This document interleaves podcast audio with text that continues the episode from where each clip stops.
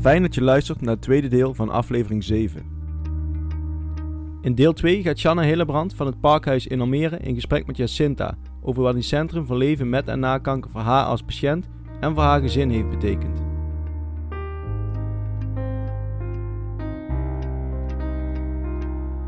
Welkom bij de podcast Kankerpraat.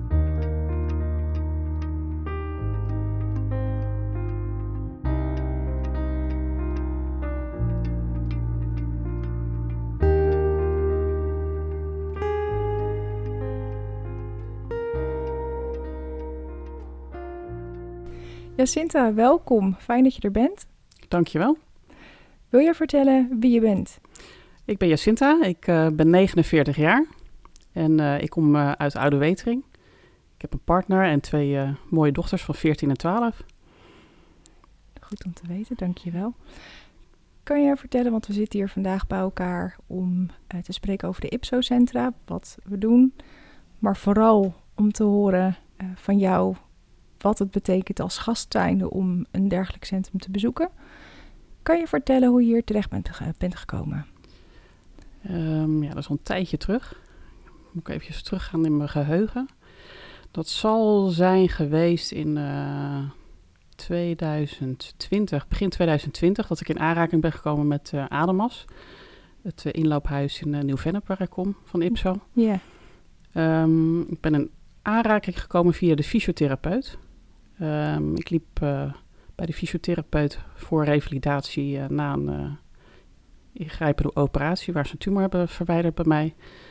En hij gaf aan dat ze bij IPSO in Oude Wetering, uh, Roelof Arendsveen, ook ja, zwemmen organiseren vanuit het IPSO-centrum. Dus zo ben ik eigenlijk bij Ademas terechtgekomen. Ik ben gaan revalideren in het zwembad onder begeleiding van een fysiotherapeut en iemand uit het IPSO-centrum. Ja. En zo ben ik bij het centrum gekomen. Oké, en je bent er dus gekomen om, om weer op krachten te komen. Ja. Is dat uiteindelijk het enige wat je daar uh, gevonden hebt aan, aan hulp en ondersteuning?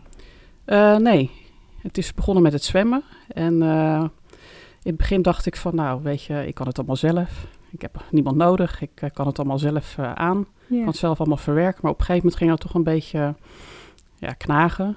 Uh, van ja, de dingen die in je hoofd spelen. Van is dat normaal? Uh, en waar liep je dan zoal tegenaan, als ik vraag mag? Nou, in het begin met name de angst uh, van terugkeer. waar je mee te maken hebt. En als je iets voelt, dan denk je van nou, het is weer terug, de kanker. Ja. Um, op een gegeven moment dacht ik van nou, ik ga toch het inloophuis ook bellen om te kijken van hè, waar, waar kan ik bij aansluiten. En zo ben ik ook bij een vrouwengroep, een lotgenotengroep terechtgekomen. Oké, okay, en hoe heb je dat de eerste keer ervaren? Um, ja, dat was heel fijn, moet ik zeggen. Uh, misschien ook omdat wij uh, als nieuwe groep starten. Dat was precies uh, na de coronaperiode. Dus er, ze begonnen net met een nieuwe groep. Ja. Maar het was heel erg fijn, moet ik zeggen, om met lotgenoten om tafel te zitten. Had je vooraf bepaalde verwachtingen hoe zo'n groep zou zijn en hoe je het zou ervaren? Um, nee, ik had niet bepaalde verwachtingen, maar ik had wel in het begin zoiets van, ja, is dit wel iets voor mij? Want je krijgt toch een beetje het gevoel dat het, uh, ja, misschien wat zweverig is of... Uh, maar dat was het absoluut niet. Het, je zit echt met een groep vrouwen uh, die het eigenlijk hetzelfde hebben meegemaakt. Mm -hmm. Wel een andere vorm van, van kanker hebben gehad, maar toch zit je met dezelfde angsten of de, dezelfde ja, vraagstukken. Ja, je ondergaat allemaal natuurlijk wel je eigen weg, maar er zitten wel raakvlakken in. Klopt, ja, klopt. Oké, okay, want je hoort nog wel eens dat er een heel imago is over dat er een heel zwaar, um, een hele zware sfeer hangt in, in de centra. En dat het allemaal ja, alleen maar hele donkere gesprekken zijn. Hoe heb jij dat ervaren? Nee, dat is het absoluut niet. Het is het tegenovergestelde, kan ik wel zeggen. Dat, uh, als je het centrum inkomt, dan heb je al een bepaald gevoel van, uh, nou, het is huiselijk, het is prettig om daar te komen. Ja. Um, en als je met zo'n groep zit, dan is het ook niet alleen maar dat je alleen maar zware gesprekken hebt. Je hebt het ook over leuke dingen. Ik kan ook zeggen dat wij af en toe uh, ja, de tranen over ons wangen rollen. Maar niet van verdriet, maar meer uh, van, ja, van plezier en leuke dingen die we meemaken. Ja, want ik kan me voorstellen dat er ook hele andere onderwerpen gewoon ter sprake komen. Zeker, ook het dagelijk le- dagelijkse leven komt eh, aan de orde. En dingen die je meemaakt. Dus het is heel breed. Ja, fijn om te horen. Wat je soms van mensen hoort, is dat ze het heel lastig vinden om hun verhaal te vertellen. Je bent natuurlijk als met het zwemmen ben je, ben je begonnen. Dus eigenlijk Ja. een activiteit die ehm, niet gericht is op het delen van je ervaring. Mhm. Denk je dat dat voor jou de stap makkelijker heeft gemaakt? Dat je wel in contact kwam met lotgenoten, maar niet per se door de aard van de activiteiten meteen je verhaal hoefde te doen? Ehm, ik denk dat, ik, eh, dat het voor mij een eh, goede manier is geweest om te starten, zeg maar. Om eerst fysiek bezig te zijn. Mhm. En er een beetje naartoe te groeien om, het, om mijn eigen verhaal te vertellen. Ik denk dat ik op het, in het begin nog niet klaar zou zijn geweest voor een, eh, ja, voor een lotgenotengroep. Om het daarover te hebben. Hoe was het om in deze setting aan je herstel te kunnen werken? Want het is natuurlijk heel anders dan dat je, wat je zei, in eerste instantie al bij een fysiotherapeut eh, behandeld wordt. Ja, Ehm, ja, hoe heb je dat ervaren? Hoe, in welke zin was dat anders? je bedoelt in het inloophuis. eh, Ja, met het, met het zwemmen. Want dat is natuurlijk een hele andere setting Ja. als, Ja, dat klopt. ehm, als dat je bij een fysiotherapeut behandeld wordt. Ja.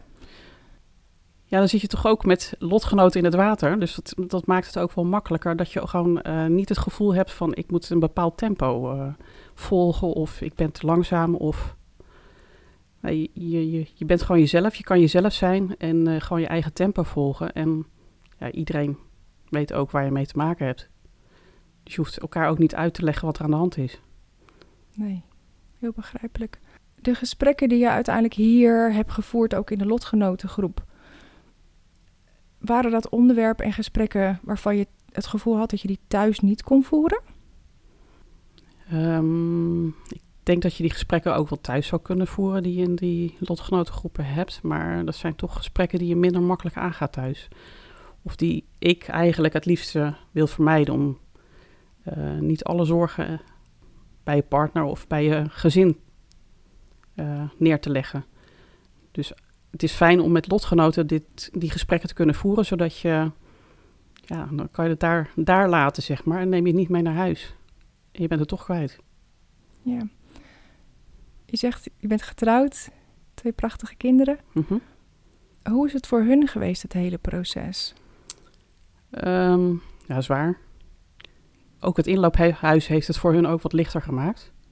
Ze hebben er ook gebruik van Allemaal, gemaakt. ja. Allemaal. Eh, mijn kinderen lopen daar nu nog steeds. eh, twee keer eh, in de maand gaan ze naar een groep pubers. Waar ze leuke dingen doen, hun verhaal kwijt kunnen, maar dat hoeft niet. Als je er geen zin in hebt, hoef je het niet... eh, ja, dan heb je het gewoon over andere dingen. En mijn partner is er ook geweest. en die heeft één op één gesprekken gehad om, om zijn gedachten weer op orde te krijgen en alles een plek te geven. Heb je een verandering gemerkt in jullie gezinsdynamiek sinds iedereen ehm, daar, daar steun in heeft gevonden? Een plek om hun- eigen zorgen te delen? Ehm, ja, denk het wel. Mijn partner bijvoorbeeld, die zat heel erg in de knoop. Die heeft eh, heel veel gehad aan het inloophuis. Dus die heeft een bepaalde rust kunnen terugvinden. Ja, mijn kinderen gaan er gewoon met eh, plezier heen, moet ik zeggen, elke, elke twee weken. En eh, Mooi. ja, dat geeft ook een bepaalde rust bij de kinderen. Ze kunnen hun eh, verhaal kwijt als het nodig is. En eh, dan hoeven ze ook niet alles met mij te bespreken. Nee, nou, ik kan me dat heel goed voorstellen. Dat, ja, dat je bepaalde onderwerpen ook gewoon niet, helemaal niet, of gewoon niet zo vaak, inderdaad, binnen je gezin wil bespreken. Maar dat je het wel, nou, wel een plek ehm, kunt gebruiken waar je het wel kwijt kan. Of waar andere mensen, nou, inderdaad kunnen aangeven dat je niet de enige bent Ja, die klopt. daarmee zit. Klopt, ja. Heeft het misschien ook, ehm, maar misschien is het helemaal niet van toepassing geweest voor jou hoor. Maar er zijn natuurlijk ook bepaalde eh, randonderwerpen die ehm, ineens van toepassing worden als je behandeld wordt. ehm, of als je ziek bent, waar je normaal gesproken niet bij stilstaat. Denk aan de onzekerheid over je eigen lichaam, intimiteit, nou bedenk het allemaal maar. Hebben de, de eh, IPSO-centra en jouw bezoek daar, of jullie bezoeken daaraan, hebben die, die nog geholpen om bepaalde onderwerpen makkelijker bespreekbaar te maken? Maar dat denk ik wel, ja. Bepaalde angsten waar je mee, eh, mee rondloopt. Eh, als je weer wat voelt. Daar heb je het ook over met lotgenoten. Van wat doe je daarmee? Ja, soms bespreek je ook van heb ik nou de goede keus gemaakt? Of ja, en elkaar tips geven ook op het gebied van alle, allerlei zaken. En dat, ja, dat kan je ook weer verder helpen. Dus dat, ja, dat helpt je ook weer in je proces, laat ik het zo zeggen. Ja. Als je nu kijkt naar hoe dat traject verlopen is, denk je voor jezelf dat je op het juiste moment um, het IPSO-centrum bent binnengestapt? Of heb je het gevoel dat je het misschien eerder had moeten doen? Uh, voor mijn gevoel zou het iets eerder, uh, het had iets eerder mogen zijn. Um, omdat er toch een bepaalde drempel is om een, een inloophuis eh, binnen te lopen. Omdat je denkt van nou, weet je, past dat wel bij mij? Is het wel iets voor mij? Kan je die drempel omschrijven, hoe je die ervaren hebt? Um, ja, ik denk dat het bij mij voornamelijk is geweest dat ik altijd heb gedacht van nou, ik kan het zelf wel. Ik heb het niet nodig. Um, maar op, op een gegeven moment loop je toch tegen een bepaalde muur aan dat je denkt van nou, ik moet dit toch met, ja, met iemand bespreken. En dat wil je niet met je, binnen je gezin doen. Um, en de drempel die ik ook wel had was, uh, ja, in zo'n inloophuis komen ook alleen maar dames met borstkanker, laat ik het zo zeggen. Dat heb ik zelf niet. Um, maar dat is helemaal niet zo. Dat is echt... Uh, het is heel divers. Heel divers, ja. En ook al heeft iemand een ander soort kanker, ja, je hebt toch dezelfde punten waar je over nadenkt. Ja, mooi om te horen. Zijn er tips of adviezen die jij hebt voor mensen die nu misschien zitten te luisteren en denken van ja, ik onderga dit ook allemaal maar, maar ik weet niet of zo'n centrum wel wat voor mij is? Uh, als je daarover nadenkt van is zo'n centrum iets voor mij en je weet het niet zeker, dan zou ik gewoon zeggen loop een keer binnen. Want die centra die staan gewoon, die zijn gewoon elke dag open. Um, je bent gewoon vrij om naar binnen te lopen. Je, het is niet eens nodig om een afspraak te maken. Je kan gewoon aanschuiven, een kopje koffie drinken, uh, met een van de vrijwilligers praten. En dan kan je gewoon kijken zelf van, uh, is hier iets waar ik iets mee kan? Uh, ja. Ja, er zijn zoveel dingen die in die centra gedaan worden. Je kan creatief bezig zijn, je kan met lotgenoten praten, je kan één op één gesprekken hebben. En het is niet alleen voor jezelf, maar ook voor je naasten. Dus dat, het is zo breed. Dus ik zou zeggen, probeer het gewoon. Ga een gesprek aan en kijk uh, of het aan jouw behoefte voldoet. Dat is mooi gezegd en helemaal waar vanuit mijn eigen ervaring natuurlijk hier in, uh, in ons centrum in het parkhuis. Um, wij horen ook nog wel eens terug van mensen dat ze um, bang zijn dat er verwachtingen aan hangen. Dat als ze eenmaal geweest zijn, dat ze dan elke week moeten komen. Of dat ze aan meerdere activiteiten moeten, moeten deelnemen. Heb jij dat gevoel gekregen in het centrum? Nee, absoluut niet. Nee, ik, ik heb niet het gevoel dat er verwachtingen zijn. Het is gewoon heel vrijblijvend en uh, ja. Nee, ik zou niet weten waar dat vandaan komt. Dat, uh... Nee, het is vaak ook, ook een stukje onervarenheid natuurlijk die mensen, mensen hebben. Maar dat is wel iets wat we nog her en der toch nog wel terug horen. Dat mensen okay. bang zijn dat ze ja, dat we dan toch wel verwachten of dat ze dan volgende week weer terugkomen of de week erop weer terugkomen. Ja, dat is wel jammer. Um, ja, zeker. Maar dat is wel heel fijn om vanuit jou ook bevestigd te horen. Ja. Um, wat ook inderdaad werkelijkheid is. Dat, dat niks moet en alles mag. Wil ja. je iets delen, dan deel je iets. En wil je alleen een kop koffie, dan kom je gezellig alleen voor een kop dat koffie. Dat is ook zo, ja. Um, dus dat is heel fijn om te horen dat je dat ook ja. als gast van het centrum ook zo ervaren hebt. Je hebt ook niet elke keer zin om iets te zeggen. Dat, uh, dat hoeft ook niet. Dat, uh... Nee, en zeker ook bij het zwemmen wat je bijvoorbeeld gedaan hebt of de creatieve ja. activiteiten, dan ligt natuurlijk de nadruk ook meer op het samen zijn ja. en samen een activiteit ja. delen. En ook daar is natuurlijk dan wel de ruimte om je ervaring te delen, maar het is misschien... Het hoeft niet. Nee, precies. Er ligt misschien de verwachting ietsje lager in dat, dat opzicht. Dus als je, um, voor de luisteraars, als je eventueel behoefte hebt om in contact te komen, maar nog niet klaar bent om je verhaal te delen, dan kan je ook heel goed aan een van de um, doe-activiteiten meedoen. Zeker, zeker. Zijn er nog andere ervaringen um, die je zelf hebt gehad of met het gezin die je nog graag zou willen delen met mensen? Um, ja, niet zozeer met het, uh, over het gezin, zeg maar. I uh, ieder heeft zijn eigen plekje nu binnen het huis, uh, binnen ons gezin, zeg maar.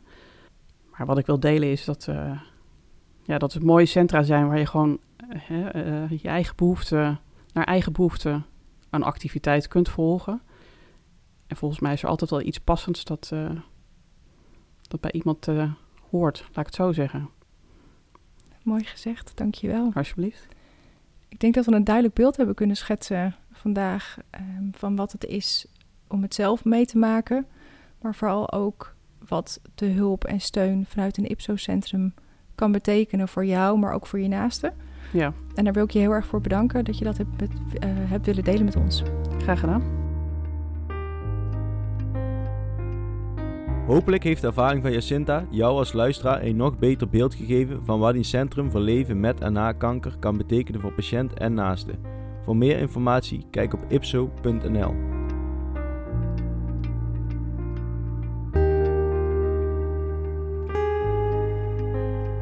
Mocht je zin hebben en de podcast nuttig vinden, laat dan even een beoordeling achter. Dit kan helpen bij het bereik van de podcast. En als je vragen of opmerkingen hebt, stuur dan gerust een bericht naar ken.kankerpraat.nl. Bedankt voor het luisteren.